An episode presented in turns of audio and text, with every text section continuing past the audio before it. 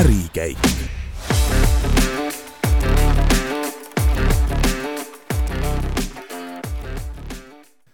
tervist, head kuulajad! eetris on Geeniuse podcasti Ärikäik, kolmas osa. saatejuhtideks on Gert Avasalu, mina ning Berta Kortfelder. mina. täna on meil külas Eesti mikromajade tootja, Kodasema tegevjuht Birgit Linnamäe. tere! Nende äri on Eestist juba väga palju kaugemale laienenud, viimati siis Austraaliasse. Äh, selle omanalüüsi ettevõtte looja on tegelikult Rocca al Mare kooli juht Hannes Tammjärv. kas sa oskaksite kuulajatele väikse ülevaate teha, et kus selline idee üldse selle äri püstipanemiseks tuli? tegelikult, äh, et asi ausalt ära rääkida, siis äh, loojate hulgas Kodasemas oli, oli rohkem inimesi kui, äh, kui Hannes Tammjärv üksi, tema nimi arvatavasti on kõige, kõige enam avalikkusele tuntum. ja, ja nüüd Kodasema loomise idee oli hakata säästma energiat, see, tarbida vähem energiat selles äh, selles etapis, kui, kui äh, ehitatakse, kui toodetakse ehitisi ja tarbida vähem energiat ka sellel ajal, kui, kui siis on ehitise või ruumide eluiga. ja tegelikult vaadates nüüd Kodasema, et mis on Kodasema, Kodasema on äh, disaini ja arhitektuursete moodulmajade äh, ruumilahenduste looja, ma ütleks isegi ruumilahendused, mitte lihtsalt mikromajad, mikromaja võib-olla on, võib-olla on liiga kitsas määratlus, et, et me siiski eksisteerime selleks, et maailmas äh, justkui äh, anda oma panus eluasemekriisi äh, lahendamisele. me teame seda, et maailmas iga päev on juurde vaja üheksakümmend kuus tuhat eluaseme äh, ruumiühikut. Need on, need on kolossaalsed numbrid, et üks koma kaheksa miljardit Äh, inimest äh, täna elavad kas nõuetele mittevastavas äh, eluruumis või siis neil ei ole, umbes miljardil inimesel ei ole üldse kodu. ja, ja kui küsida, et kust Kodasema alguse sai, siis, siis ühelt poolt selline raiskav, raiskav eluviis ja, ja teiselt poolt siis see ülikriitiline eluasemekriis, need on just need kohad, kust äh, kust äh, Kodasema loojad, nii nagu minule äh, seda nüüd äh, pärandina on üle kandunud, niimoodi see, see ettevõtmine alguse sai. ja muidugi siin, siin foonil tuleb kindlasti ära märkida ka Kodasema peaarhitekt Ülar Mark, kes siis on nagu advokaat selle eest, et et ruumid ei pea olema, et, et olla väike, ei pea ruum olema kole. ja, ja selleks, et olla äh, olla taskukohane, ei pea ka olema kole. et, et ilusa maja arhitektuurselt äh, meeldiva linnaruumi tegemine ei ole ilmtingimata kulukam, kui on äh, siis väiksema arhitektuuriga või, või mitte, mittearhitektuursete arhitektuurile tähelepanu mittepööramine. see on, see on jah, see selline meie meie lähtepunkt olnud ja, ja kliimateadlikkus kindlasti on, on Kodasema tänane absoluutne selline põhivõtmeküsimus, et oleks olnud ilmselt väga lihtne hakata tegema mooduleid, konteinereid ja paisata neid arvukalt üle maailma, aga meie oleme hoidnud oma, oma fookust just kliimateadlikkusel, ehitusfüüsikal, asjade väga õigesti ja püüdlikult tegelemisel, et tõenäoliselt sellepärast on see teekond olnud ka äh, kunarlikum, aga me tõesti tahame teha maailma paremaks kas ma saan õigesti aru, et te näete ennast pigem niisuguse taskukohase lahendusena, mitte nagu luksustootena? jaa, kindlasti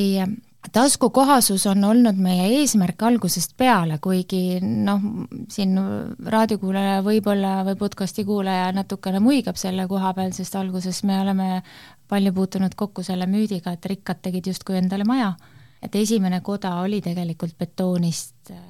ja jällegi äh, miks betoon, sellel olid äh, mitmesugused insener-tehnilised äh, põhjused, aga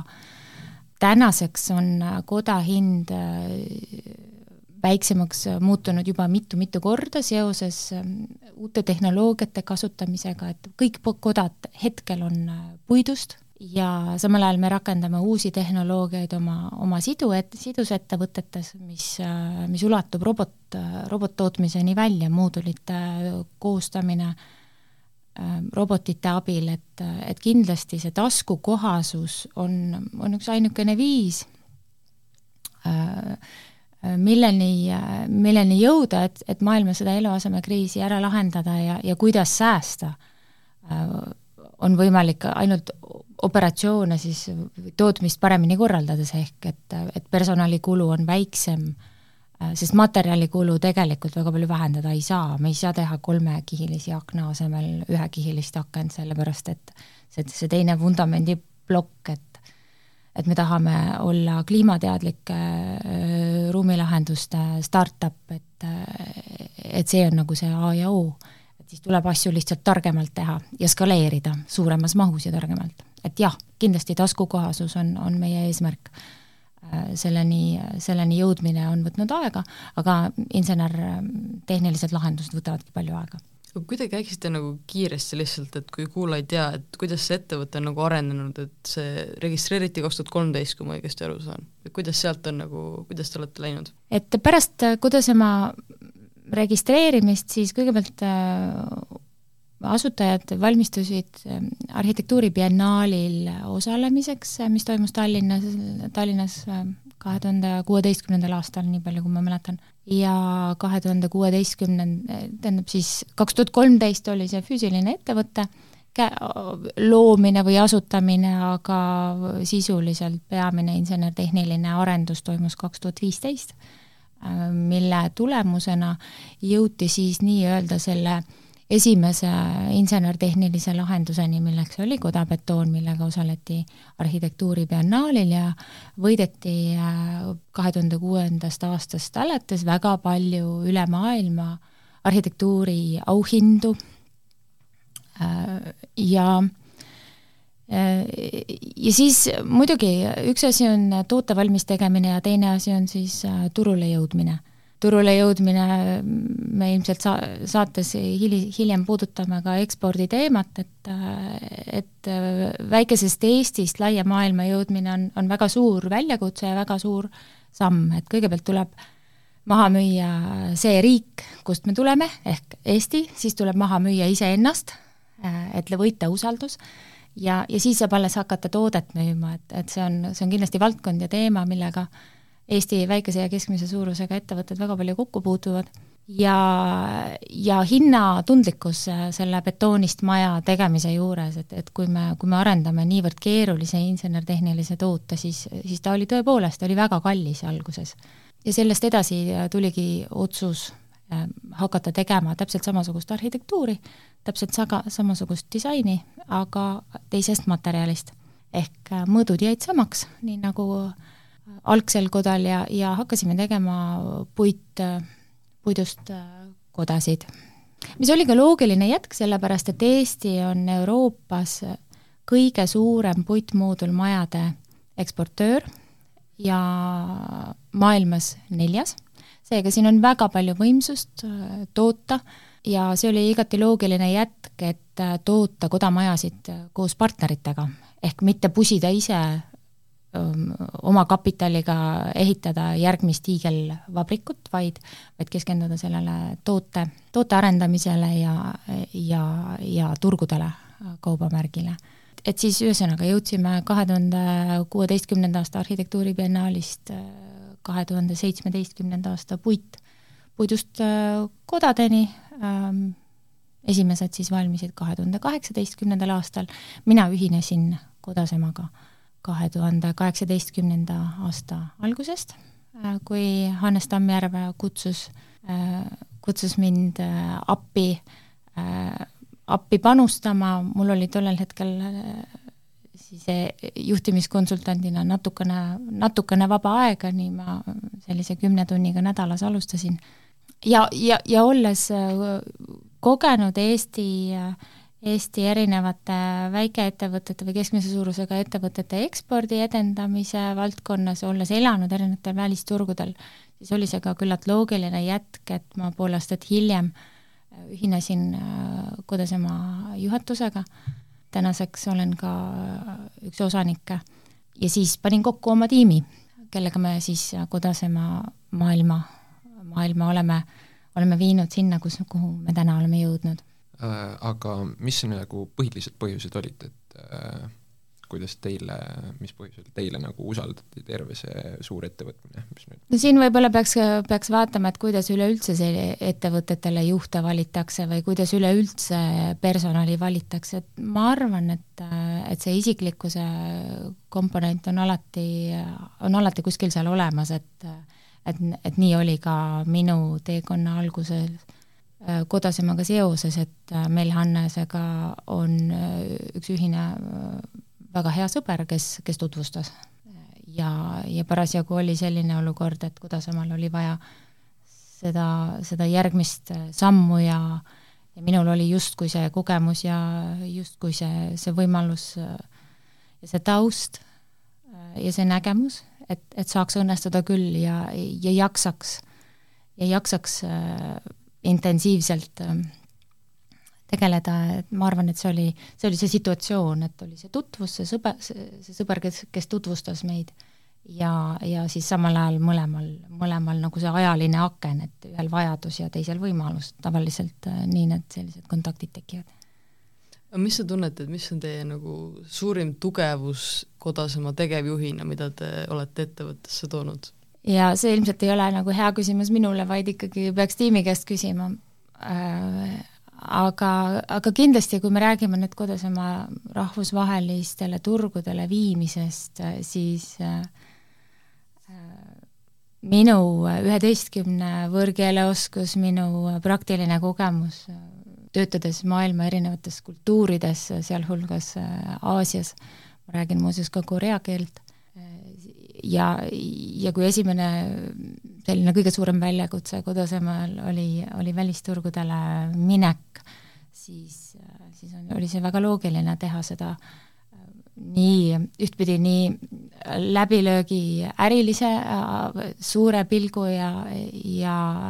strateegina kui teistpidi kultuurikompetentsi ja suhtlust tundes ja ja muidugi, ega see ei ole selline tavapärane ülesanne, et, et see, kuidas oma juhtimine on kindlasti, kindlasti tiimitöö, pean, pean siia ka juurde ütlema, et mitte ükski juht ei tee kunagi midagi üksi. Meil on väga, väga tugev multitalendikas tiim täna ja, ja oleme kindlasti kõik, kõik, mida me oleme teinud, oleme teinud koos aga minu selline intensiivne kogemus erinevatest tööstustest äh, kahekümne viie aasta jooksul andis kindlasti selle, selle fooni, et, et, et tunnetada või, või osata vaadata, et millises, millises suunas astuda ja kuhu minna. Võib-olla peab siin ühte asja veel lisama, et äh, ma olen endine maailma tippsportlane, et siis kindlasti sellise äh, keeruliste sõlmküsimuste lahendamine ja, ja väljapääsude leidmine ja teistpidi ka vastupidavus, et ma arvan, et äh, tippsportlase natuuri saavutus äh, ja, ja vastupidavusega seotud. aga kuidas, kuidas nagu see, et te räägite ühte-teist keelt, et jah, kui palju see aitab rahvusvahelistel turgudel? Minu meelest on keeleoskus ja selline kultuuriline taju või üleüldse ka inimestest arusaamine, see keeleoskus käib alati koos psühholoogia äh, vald, valdamisega, sotsiaalpsühholoogia valdamisega ja üleüldse noh, võib-olla lihtsamalt öeldes lihtsalt inimeste, inimestest arusaamisega, et, et asjad sünnivad tegelikult ju mitte ettevõtete vahel, vaid, vaid inimeste vahel. Ja siis esimene, esimene asi, mis on vajalik selleks, et inimestevaheline arusaam tekiks, on see, et meil, meil peab olema viis, kuidas me saame suhelda. nüüd suhtlemiseks kindlasti on siis kõige parem on, on seesama keel ja Äh, ja siis selle sihtturu või, või partneri keele valdamine annab tegelikult eelise, et, et kui on, mina nüüd isiklikult küll huvitun ka ne-, väga palju neuroteadusest ja sotsiaalpsühholoogiast just, just sellesama väljakutse lahendamiseks, et, et inimestest paremini aru saada ja saada aru, kuidas nad erinevates keerulistes olukordades toimivad ja kuidas tehakse otsuseid et, et kui, et nüüd, kui rääkida ettevõtte välisturule viimisest ja, ja reaalselt siis välisturgudelt müügitehingute sõlmimisest, siis, siis me peame tegelikult aru saama sellest, et, et kuidas toimib inimene, kuidas temaga suhelda saab ja mismoodi ta otsustab. ehk, ehk mida ta vajab. Ja, ja see keeleoskus kindlasti annab selle võimaluse, et sihtturul siis see potentsiaalne äh, klient, on ta siis näiteks Saksamaal kinnisvaraarendaja või või, äh, või mõnes muus riigis, et tema saab ennast väljendada vabalt oma emakeeles, seega keelt hästi mõistes on võimalik äh, aru saada nii, nii tema sellisest verbaalsest väljendusest kui ka mitteverbaalsest, ehk see, ka see, mis on nagu ridade vahel et, et mis teda tegelikult huvitab või mis teda tegelikult takistab otsuse tegemisel. Need on, need on minu meelest müügitegevuses või eksporditegevuses sellised igipõlised küsimused, mille, millele otsitakse vastuseid, et, et kuidas, kuidas klient otsustab. et jah, nii palju siis sellest keeleoskusest ja ega keeleoskus muidugi nüüd välisturgude valikul ei ole ainukene parameeter et kindlasti on teatud turgudel võimalik seda teha ka, ka inglise keelega, väga paljud inimesed räägivad inglise keelt. et äh, nüüd see turgude valik üleüldse on, on ikkagi, seal on erinevad kriteeriumid, kuidas turge valitakse, et et mina olen alati osanud äh, nii Kodasema vaates kui ka teiste ettevõtete vaates, kellega ma siis mentorina või äh, juhtimisnõustajana kokku olen puutunud, ma alati vaatan seda suuremat pilti, et et mida juba ollakse ära teinud ja kus juba on kontakte, et kus, kus tekib see mingisugune seos, see mingisugune isiklikkus, et kui me enne ütlesime, et et me peame kõigepealt maha müüma oma riigi, äh, sest inimesed sageli ei tea, mis on Eesti, minu tavapärane lause on need juba, mida ma ütlesin, et Eesti on Euroopa kõige suurem puitmoodulmajade eksportöör, maailmas neljas, et me oleme digiriik, meie valitsus ei kasuta paberit, sellised, sellised sõlmküsimused, mis, mis, mis nagu äh, inimestes tekitavad usaldust ja ka huvi. lisaks äh, startupide osakaal Eesti SKP-st, äh, noh, need on märkimisväärsed faktid, mida väga paljud ei tea. ja kui on tekkinud siis selle riigi vastu huvi, siis tekib, äh, siis minu järgmine samm alati on see, et, et tekitada iseenda vastu huvi ja ja nüüd osates seda keelt, see on, see on selline minu, minu võte, püüda siis äh, mõjuda oma hea keeleoskusega, püüda mõjuda äh, siis sünnipärase võõrkeele rääkijana või kuidas öelda, siis püüda mõnuda, mõjuda sakslasena, kui ma olen sakslastega suhtluses ja püüda mõjuda itaallasena, kui ma räägin itaallastega ja nii edasi. ja, ja see tekitab juba teistkordse huvi nagu inimestes, et oot-oot-oot, et ma nüüd ei saa aru, et teie olete Eesti ettevõte ja, ja aga miks te räägite saksa keelt ja, ja siis, kui me juba õnnestub see sinna vestlusesse saada, siis on mul tõenäoliselt äh, šanss veidi suurem, et mul, et ma saan ka oma tootest rääkida või et, et ma kuidagi jään meelde selles, selles valikute paljususes, mis praegu klientidel oma, oma ostuotsuseid tehes on, et kui me räägime äh, puitmoodulmajadest, siis äh, kliendid tõenäoliselt otsustavad teiste Lääne, Kesk, Põhja-Euroopa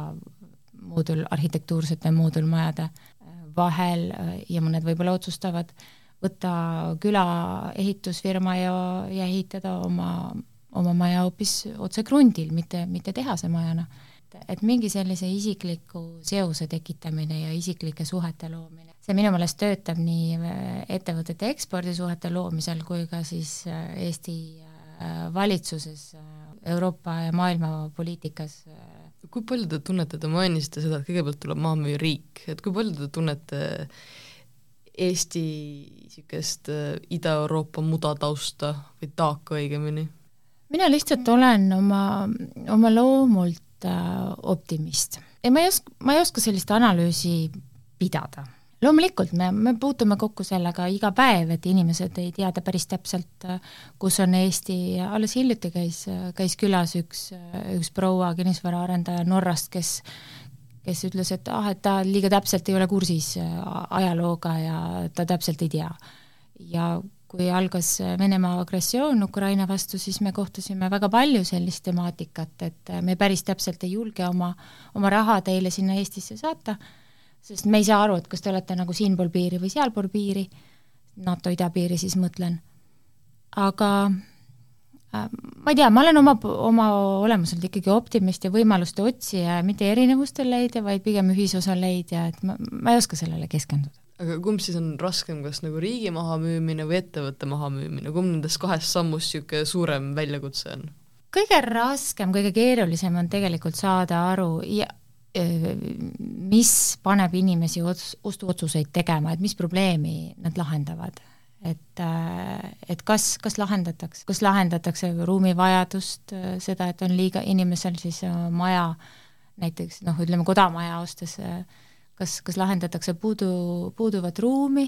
või, või tehakse hoopis hotell ja kas inimestel on maa või nad niisama uitavad ringi ja lasevad ennast inspireerida, sest neil on elus natukene vaja või meeldib ilusat arhitektuuri vaadata, et tegelikult on oluline aru saada, mida inimesed tahavad ja ma arvan, et see on teistes sektorites samamoodi, kas me räägime siin Eesti krõpsutootjast, kes, kes ekspordib või, või öko pesuvahendite tootjast, et eks nad puutuvad kokku ikkagi samade otsustega ilmselt nad mingisuguses variatsioonis, et, et kas, kas me räägime edasimüüjaga, kinnisvaraarendajaga või me räägime eraisikuga, et, et mis nagu paneb inimesi otsustama, ma arvan, et, ma arvan, et see tegelikult on kõige, kõige suurem küsimus. aga loomulikult, kui võrrelda Eestiga äritegemist, ütleme Lääne-Euroopa, Saksa, Austria, Šveitsi kodaniku vaatest, siis äh, nende jaoks on arusaadavam keskkond on, on nendekeelne selline saksakeelne Kesk, Kesk-Euroopas on nende jaoks arusaadavam, aga küllalt palju on ikkagi ka selliseid avatud inimesi, kes tegelikult tahavad vaadata uusi võimalusi, innovatiivseid võimalusi ja tahavad, tahavad muutuda, tahavad, tahavad toetada seda, et linnaruum muutub, tahavad toetada seda, et teistsugused eluruumi vormid või üldse ruumivormid tekivad noh, kui me räägime ka üleüldse linna planeerimisest natukene suuremal tasandil, mulle alati meeldib vaadata ikkagi ka suurt pilti, et, et mis maailmas toimub ja ja mitte nüüd ainult üksikisiku tasandil, et kuidas otsuseid vastu võetakse, vaid ka äh, siis äh, linnajuhtide poolest, et, ähm, et kui me kahe tuhande kuueteistkümnendal, seitsmeteistkümnendal aastal osalesime messidel ja Euroopas vestlustes erinevate huvigruppidega äh, väikeruumivormide tähendusest ja energiatõhususe teemas, siis äh, võib selgelt öelda, et kahe tuhande kuueteistkümnendal aastal see ei olnud inimeste jaoks prioriteet. mis jättis natukene mulje, et, et äh, kodatoode või, või see, mida me tegime, oli oma ajast ees, äh, siis täna, kahe tuhande kahekümne kolmandal aastal ei saa seda kindlasti väita, et maailm on muutunud. kõikide inimeste äh, igapäevane küsimus on energiakulud ja,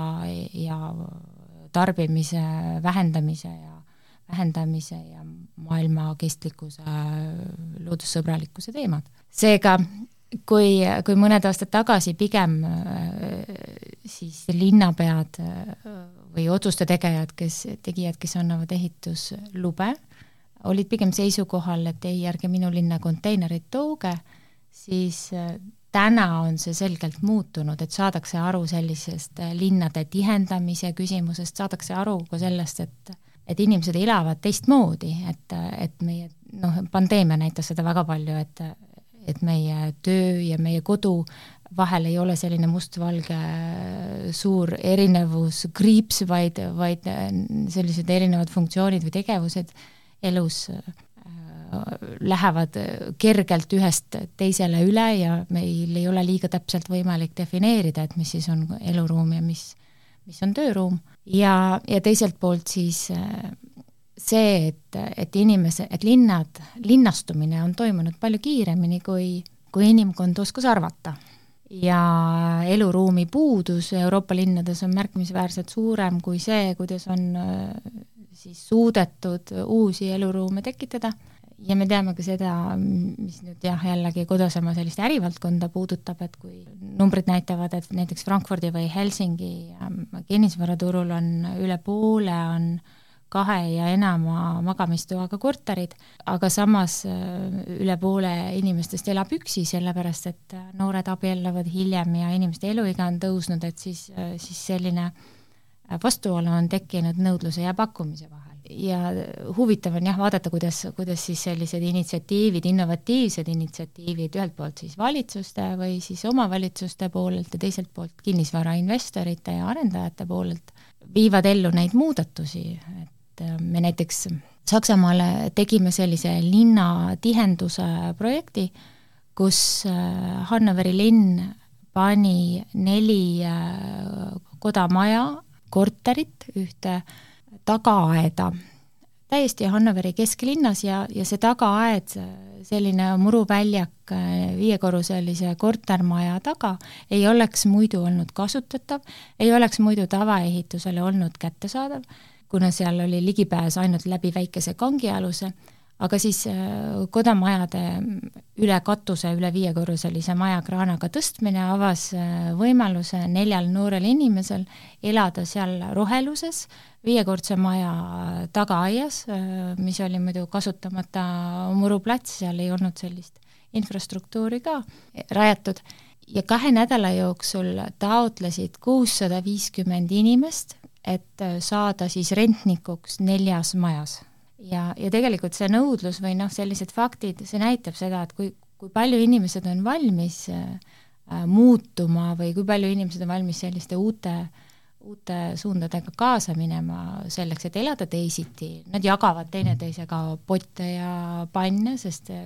kahekümne kaheksa ruutmeetrises majas ei pea ühel inimesel kõik äh, kõik seadmed, kõik tarvikud olema, näiteks pesukuivatamisreste jagavad ja ma arvan, et nüüd tuleb nagu, ma tõmban selle ringi selle koha pealt filosoofiliselt kokku, et, et kui me ütleme, et me tarbime vähem energiat, kui me toodame väiksemaid eluruume, me tarbime vähem energiat, kui me neid lihtsalt üldse toodame katusel ja võrreldes sellega, kui me ehitame neid objekte, ja me tarbime üldse kõike vähem kui meie ruum on väiksem, sest meil ei ole nii palju ruumi, et nii palju asju endale soetada. kiire vaheküsimus, et üks minu sõber elas paar aastat tagasi Mustamäel ka mingi paneelikate vahel mingis niisuguses väikeses asjas, kas see oli ka teie maja või? kas see võis olla? minu teada kodamaja ei ole Mustamäel olnud, meil on küll Põhjalas ja merepuiesteel, siis äh, sadamapiirkonnas, Admiraliteedi juures ja Rocca al Mares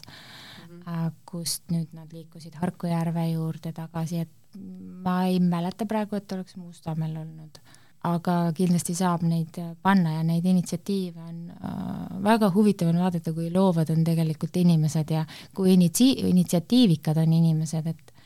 et julgus äh, minna ja pakkuda kohalikule omavalitsusele, et, et rajada väike linnak, noh, nii nagu me näeme praegu Saksamaal, Šveitsis Austrias, aga ka Eestis, äh, Põhjalas, äh,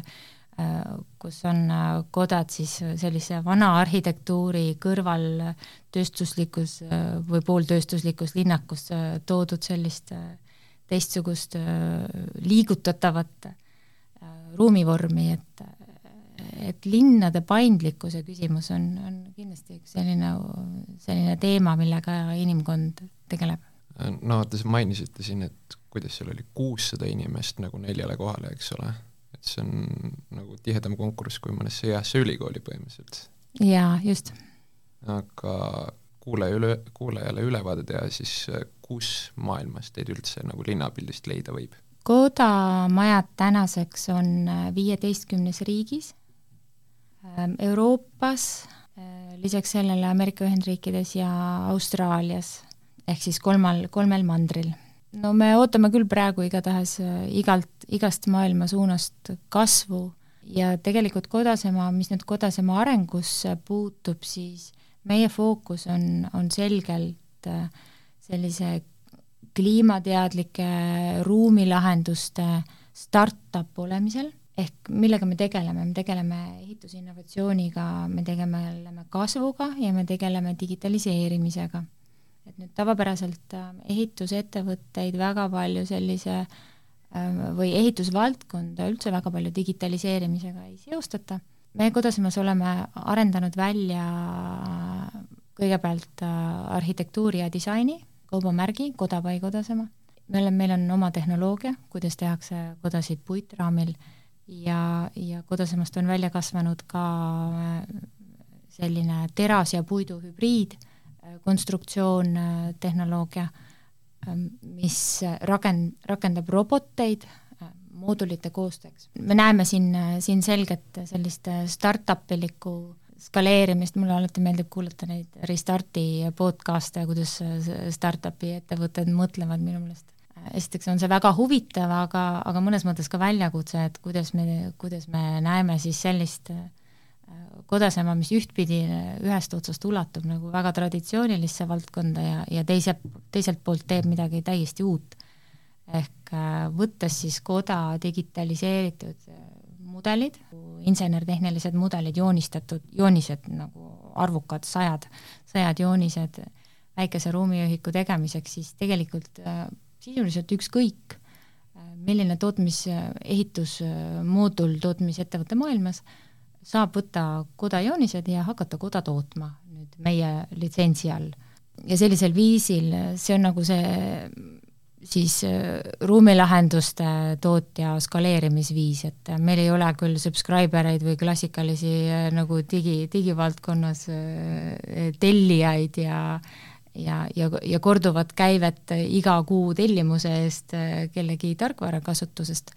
aga, aga meil on välja töötatud väga põhjalik intellektuaalomand, mis puudutab tööstusdisaini, mis puudutab ehitustehnoloogiat ja mis puudutab kaubamärki äh,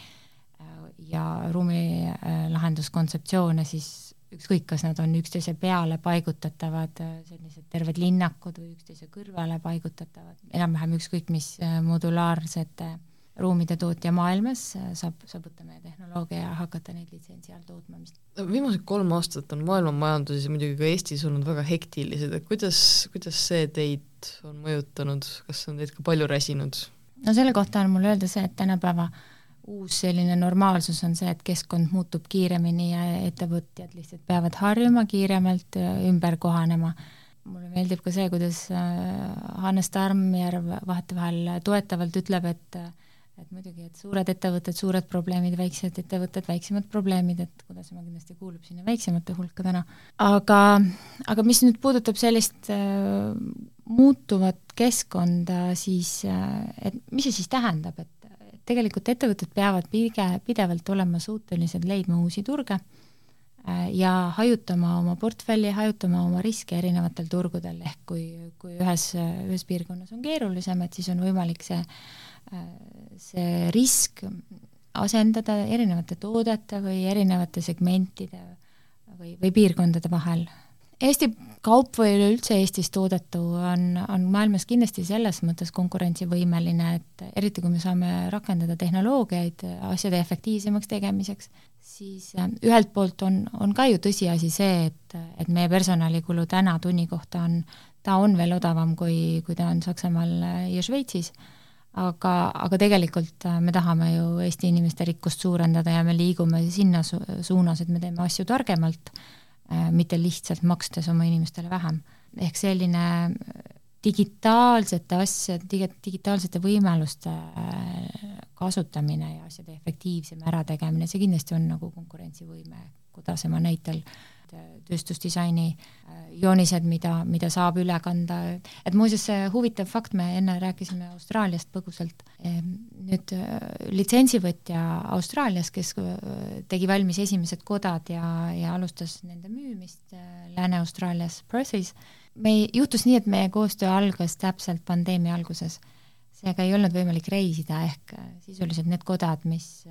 mis on Austraalias toodetud ja Austraalias müüdud ja sotsiaalmeedias ka piltidel jagatud, need, nende tootja ei ole mitte kunagi ühtegi koda päriselt näpuga katsuda saanud ja ta ei ole mitte kunagi üheski kodas sees käinud. teiselt poolt meie info, meie, meie tootmistehnoloogia ülekandmine ja meie tootmismeetodid ja kirjeldused olid nii tõetruud, et need kodad näevad välja täiesti sellised, nagu nad on Euroopas, et et minu meelest on see lihtsalt väga suur saavutus Austraalia partneritele, nad on väga-väga suure töö ära teinud ja, ja kindlasti ei oleks seda saanud ka muud moodi teha, kui, kui väga lähedases koostöös, et, et inimesed saavutavad ikkagi paremaid tulemusi siis, kui nad teevad koostööd. aga võib-olla noh, et nüüd äh, laienete, laienete Austraaliasse, aga millist Äh, turgu te oskaksite välja tuua, kus, äh, kus tõesti on inimesed nagu edumeelsemad ja kus see asi võetakse nagu tõesti märkimisväärselt paremini vasta kui kuskil äh, mujal, kuhu te olete ürinenud, üritanud laieneda? ma tahtsin veel eelmise punkti juurde korra lisada, et, et üks asi, mis on kindlasti alati ka väga oluline, on, on juhus ja õnn, et ikka õnne peab ka alati olema, et võib olla väga püüdlik ja maksimeerida igasuguseid võimalusi, aga lihtsalt õnne peab ka alati olema. Aga nüüd, millised äh, turud äh, võtavad koda kõige paremini vastu või meie äri kõige paremini vastu, siin on, sellele küsimusele on võimalik vastata nagu argumenteerituna põhimõtteliselt kahel viisil, et äh, et kuna ehitiste püstitamine ei ole lihtsalt mingi müügitrikk, vaid ehitiste püstitamiseks on alati vaja koostööd omavalitsusega ehk regulatsioonide küsimuste ära lahendamist. Seega üks asi on see, mis on need arvud, et kui palju on maailmas vaja eluasemeühikuid juurde. ja teine küsimus on see, et missugused on siis sihtturul need ehitusnõuded, millele ühikud peavad vastama ja tegelikult tahaks väga unistada sellest, et, et ühel hetkel on, on siis äh, väikeruumidega või teisaldatavate, liigutatavate majadega sama olukord nagu autodega, et nad on põhimõtteliselt igal turul ühesugused, et Prantsusmaal autod on samasugused nagu, äh, nagu Norras. Siis võiks olla, et väikemajad Prantsusmaal on samasugused nagu Norras, aga ehituses sellist ühtlustumist on, on vähem, seega see küsi-, vastus küsimusele eelkõige on see, et kus on siis see ruumipuuduse probleem kõige teravam, mis kindlasti Ameerika manner on, on selline täiesti põhjatu turg. ja, ja esimesed sammud seal, me oleme selleks põhjalikult juba aastaid tegelikult ette valmistunud. Et see, mis Ameerika Ühendriikides hakkab, hakkab toimuma, on kindlasti väga-väga suur. samal ajal ootan, ootan ka Euroopas erinevates riikides kasvu, et noh, me teame, et Hollandis on puudu kolmsada tuhat eluasemeühikut, Suurbritannias on sa-, sarnased, sarnased suurusjärgud, me teame ka seda, et äh, kliimanõuded või siis äh, energiatõhususnõuded ruumidele äh, on muutunud palju rangemaks sel, käesolevast aastast, eelmisest aastast, see seab kinnisvaraarendajatele teistsuguseid tingimusi ja justkui toetab uute paremate tehnoloogiate kasutuselevõttu ja uute paremate äh, ruumide äh, turule toomist, justkui suurendab kodusema võimalusi. aga, aga samal pool on alati see, see teine küsimus, et, et mis on siis see müügivälp, et kui minu meelest kas Starship Technologies või, või AKC oli Eesti ettevõte, see bossi, pakirobotite, need kappide tegija, ütles, et nende keskmine müügi äh, müügivälp on selline paar aastat ja et kui tehing toimub kiiresti, siis toimub ta kaheteist kuuga, et, et noh, meil Kodasemas kipub ta sama olema, et täiesti tavaline on see, et klient, kes kolm aastat tagasi hakkas midagi plaanima, jõuab kolm aastat hiljem tehingusse, et see lihtsalt on selline, selline keeruline turg. aga kas peale Euroopa ja, ja Põhja-Ameerika, kui ma õigesti aru saan, et mis teil veel võiks olla need tulevikusuunad, et noh, Aafrika, Aasia näiteks ka? jaa me oleme täna kindlasti äh, vaatamas ka Lähis-Ida suunas ja nii palju, kui me parasjagu jaksame, aga mida siin kindlasti on oluline või, või võib-olla asjakohane ka mainida, et me oleme ka kapitali kaasamas, et kuna maailmas tõepoolest see eluasemepuudus on nii suur ja samal ajal kliimast tingitud äh, ehitusfüüsikalised nõudmised on noh, näiteks India eluasemepuuduse lahendamisele erinevad, kui nad on, ütleme ka Aafrikas, kus, kus on ju kaheksakümmend miljonit inimest sisuliselt peavad ümber kolima, kuna seal on äh, veepuudus millises äh, piirkonnas kõige kiiremini Kodasema kasvab, see oleneb kindlasti ka sellest, missugused on need investorid, kes kapitali kaasamise ringiga nüüd kaasa satuvad tulema, et oleme siin vestluseid pidamas erinevate fondidega Euroopas ja Ameerika äh, ja vaatame ka Lähis-Ida, Kesk-Aasia piirkonna peale. Tegelikult, et üksinda ikkagi väga suuri tulemusi väga kiiresti ei tee, et selleks, et kiiremini kasvada ja suuremat mõju äh, avaldada, selleks on vaja strateegilisi partnereid. seega absoluutselt kõik turud, kõik kohad on, on huvitavad ja igal pool on eluruume vaja. ja kui kogu maailma siis modulaarse ruumiloome võimekus kokku panna, kõikide maailma ettevõtete võimekus, siis kindlasti kuluks mitu aastat, enne kui see üks koma kaheksa miljardit ruumi valmis ehitatud saaks, et turg on põhjatu ja piiritu. aga kas näiteks võiks ka mõelda selle peale, et äh, NASA on siin varsti jälle kuule minemas, et äh, äkki tulevikku planeerides kolmekümne aasta pärast äh, kuu peale moodulmajad püsti panna? hakata juba praegu arendama? no ma pigem kuulen rohkem sellist ootust äh, mingi meta, metaversi maailma teemal, et äh, vaatame siin, kuidas ku,, kuidas noored, noor põlvkond äh, asju näeb, et äh, et jällegi me, mina olen äh, küll optimist, aga ka, ka selge realist, et äh, et oluline on, on selline asjade ärategemine, muidugi visioonid ja, ja moodsate mõtetega kaasas käimine ja kursis olemine eelkõige on, on, on oluline ja väga tore, inspireeriv, aga, aga lahendaks enne selle üks koma kaheksa miljardit, püüaks oma panuse anda, lahendaks selle ära ja siis, siis vaataks, mis, mis edasi saab. Aga võib-olla, kui võtta nii-öelda olukord rangemalt ehitusturul siis äh, noh, see siin hiljutiste teemade valguses tundub küll rohkem nagu konatiigis solberdamine, aga Eesti noh, ehitusettevõtjad ju igasugused raskused on nüüd viimane, viimased aastad äh, endaga toonud, aga kuidas, või siis näiteks ka äh, nüüd viimati need, kes ekspordivad Põhjamaadesse, et neil on, neil on, neil on äri ka üsna kehvasti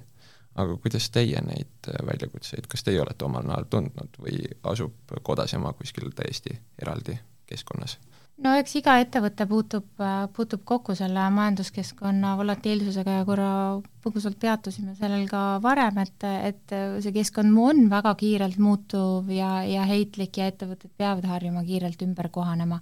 nii ka täpselt samamoodi meie Kodasemas ja, ja see, kuidas, kuidas, üks viis, kuidas sellega toime tulla, on hajutada erinevaid riike, siis sihtturge ja ja, ja toodete ja segmentide lõikes, loomulikult puutume meie ka kokku sellega, et et on tõusnud intressimäärad ja meie kliendid puutuvad sellega kokku, aga ähm,